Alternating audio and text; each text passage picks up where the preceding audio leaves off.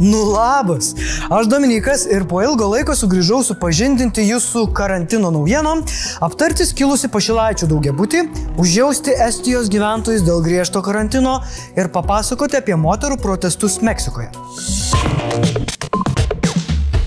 Karantino naujienos. Dar pirmadienį vyriausybė suburta ekspertų taryba pasiūlė atverti daugiau prekybos vietų. Dėl reikalavimų prekybos įmonėms e, kurios teikia nebūtinasis prekes ir didesnių nei nei 300 km2 veiklos atnaujinimui.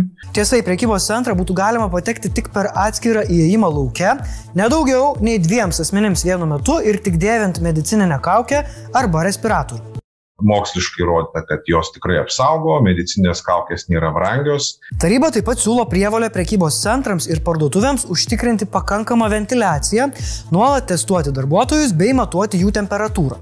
Ekspertai svarstė ir galimus karantino sąlygų laisvinimus per Velykų laikotarpį. Tačiau sprendimo nepriemė, nes dar truputį ankstoka. Laikom čiūrikus, kad viskas pasibaigtų gerai. Laikom, laikom. Padarom čiūrikus dabar.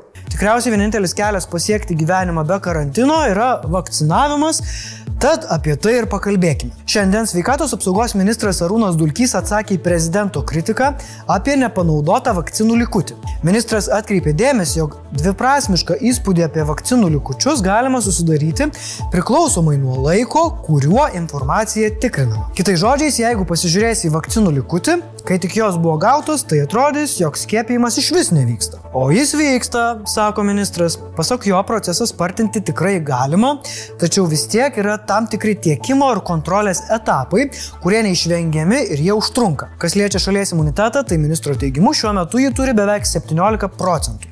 Kalbant apie vakcinas, negalime apeiti ir šalutinių poveikių bei žmonių baimių dėl to. Tačiau ar tikrai reikia bijoti? Biomedicinos mokslų daktaras Marius Stroga teigia, kad šalutinis poveikis po skiepo kaip tik yra geras dalykas, nes būtent jis ir parodo, kad vakcina veikia ir imunitetas pradėjo dirbti. Jo manimu, jeigu po vakcinavimo nepatyrėte jokio šalutinio poveikio, turėtumėte pasitikrinti, ar jums susiformavo pakankamas kiekis antikūnų. Tad griebkite tą AstraZeneca ar bet kokią kitą prieinamą vakciną ir, kaip sakė prezidentai, krėskim tam virusui į kailį.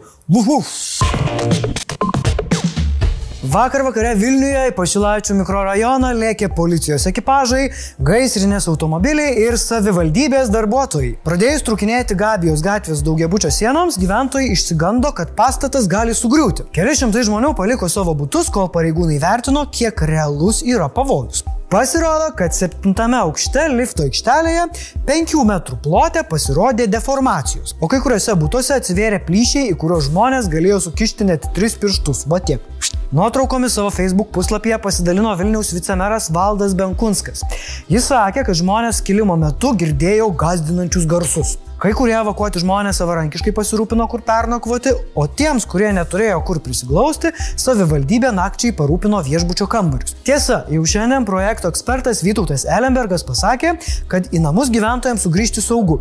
Pavojaus jų gyvybei ir saugumui nėra. Visgi daugiabučio administratorius įpareigotas toliau atidžiai stebėti trukimus. 2004 įstatytą namą vyščiusios bendrovės Tadlita vadovas Tasys Šležas sakė, kad apie pavojų gyventojams paskelbę asmenys elgėsi neatsakingai ir žmonės patyrė nuostolių. Hmm. Aš tai irgi būčiau nešęs kudašių, kuo greičiau dar šunį būčiau pasiemęs po pažasčių, ką žinau. Suskilinėjusiame name apsilankęs aplinkos ministras Simonas Gentvilas buvo griežtas. Na, iš esmės pasakykime, kad brokas akivaizdus, e, gyventojai jau patyrė žalą, visų pirma emocinė, antras dalykas, na, kiekvienas yra turto savininkas ir čia ne vienas iš jų, iš, taip sakant, čia esančių nenorėtų prie savo namo tiek kamerų pamatyti ir kad plačiai nušviesta, kad pastatas su broku, tai žala jau padaryta yra. Beje, šis pastatas jau yra žinomas dėl įvairių problemėlių. Namas yra probleminis, ne kartą jau yra panašių incidentų buvę. Vos pradėjus statyti daugiabutį virš Maksimo parduotuvės, namas pradėjo irti. Tada buvo skubiai uždaryta parduotuvė ir stabdytos statybos. Ai, džiaugiuosi, kad namo ir gyventojams viskas yra gerai. O jums aš turiu žaidimą.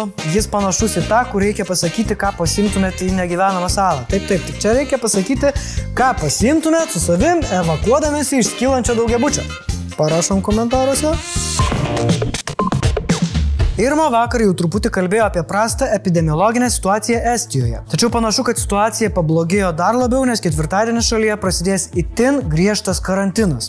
Na, arba toks, kokį dar visai neseniai turėjom mes. Toks sprendimas priimtas nustačius, jog šalyje labai sparčiai plinta britiškoji koronaviruso atmaina. Ji randama net 98 procentuose iš analizuotų ėminių. Kaip teigia Estijos ministrė pirmininkė Kaja Kalas, situacija šalyje kritinė. Ir iš esmės prasideda viskas, ką mes turėjome į valdžią atėjus konservatoriams. Mokymasis iš namų, vaikų į darželius vesti nerekomenduojama, uždaromos visos ne maistų ir būtinų prekių parduotuvės, barai, sporto klubai, žodžiu, viskam yra kaput. Tokie suvaržymai anot premjerės įvedami mažiausiai mėnesiui, o žinot, koks rekordinis susirgymų skaičius užfiksuotas Estijoje?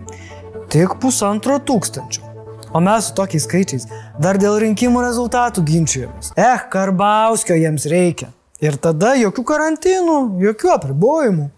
Gyventų šokoladė, visi su lambais važinėtų. Ministrė pirmininkė Kaja sako, kad karantino metu bus siekiama labiau susitelkti į skiepijimą, kad pavyktų apsaugoti kuo daugiau žmonių. Šalyje jau apie dvi savaitės kasdien registruojama naujų susirgymų skaičius viršė tūkstantį, o ECDC arba Europos lygų prevencijos ir kontrolės centro duomenimis, sergamumas Estijoje vienas blogiausių visame žemynė. Jis siekia netoli pusantro tūkstančio atvejų šimtui tūkstančių gyventojų per dvi savaitės. Siunčiam didžiausią palaikymą Estams, mes žinom, ką jūs patirėt, mes buvom ten pat ir tikimės, kad ir jums pavyks sumažinti susirgymų skaičių, kaip pavyko mums. Ir nors mes aplenkėme estus ir blogą situaciją turėjome pirmesnį už juos, netokiomis pergalėmis norėtume džiaugtis. Ana? Kol Lietuvoje mineralkės šamanas ir priminame, parlamentinės partijos lyderis Uspaskichas ragino moteris kelti vyruose žavesi savimi, moteriškumu ir švelnumu, Meksikos moteris parodė, kad šnekų apie moteriško silpnumo jėgą gana ir susikovė su vietinė policija. Nesakau moteris, kad taip reikėtų pasielgti ir su Viktoru. Nu, tikrai nesakau. Nu, nu, nu, nu, nu, nu, nu. Pirmadienį sostinėje Meksike vyko moterų protestai prieš šalies prezidentą Andresą Manuelį Lopezą Obradorą ir jo neveiksnumą kovoje su smurtu prieš moteris. Susidūrimas tarp protestuotojų ir policininkų kilo tuomet, kai per miestą žygiavusios moteris pasiekė prezidento rezidenciją supama didžiulės barikados metalinės sienos. Šią sieną prezidento atstovas yra pavadinęs taikos siena, kuria siekiama apginti valstybinį turtą nuo vandalizmų. Bet prie bet kokio žodžio prikabinu žodį taika, iškart geriau skamba. Taikos patyčios, taikos smūgis ir taikos kišis. Ana? Nu, o paskui viskas vyko pagal klasikinį scenarijų. Ašarinės dujos, ugnys ir sužeistieji.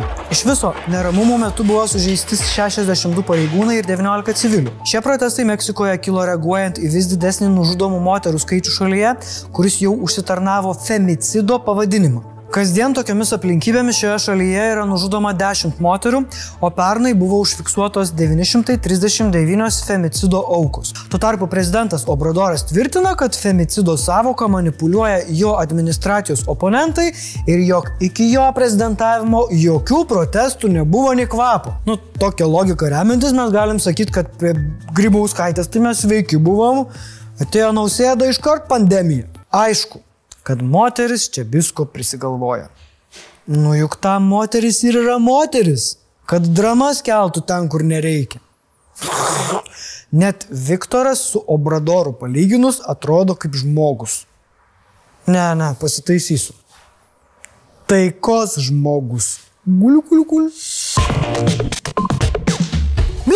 Naujienos. Po susitikimo su Seimo valdyba prezidentas tikino, kad registruos viešųjų pirkimo įstatymo pakeitimus ir tikisi Seimo palaikymų. Gitanas Nausėda sakė, kad kalbant apie Stambulo konvencijos ratifikavimą, jis norėtų, kad vyktų civilizuota diskusija, o ratifikuoti nereikia skubėti. Nausėda tikina, kad atidžiai seka visas diskusijas ir pats labai seks šio dokumento prieimimą, nes reikia diskutuoti.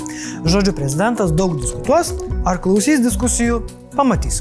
Rusija ragina Junktinės valstijas ir Iraną susėsti prie stalo ir susitarti galimybę Amerikai grįžti į Irano branduolinį susitarimą. Joe Bidenas yra minėjęs, kad norėtų grįžti į vadinamąją Irano branduolinės programos susitarimą, iš kurio Ameriką patraukė Donaldas Trumpas. Teršalų plitimas Alantuose sustabdytas, tačiau aplinkosaugininkam pradėjus kasinėti po jų šaltinį paaiškėjo, kad sklype palaidota daugybė įvairiausių atliekų. Aplinkosaugininkai pradeda likvidavimo darbus, tačiau jų pabaigos nematyti, o dar reikės išsiaiškinti, kaip teršalai atsidūrė po žemę. O čia galima pamatyti, kaip žmonės po sėdėjimo namuose ir ilgo karantino bando įeiti į atidarytas parduotuvės.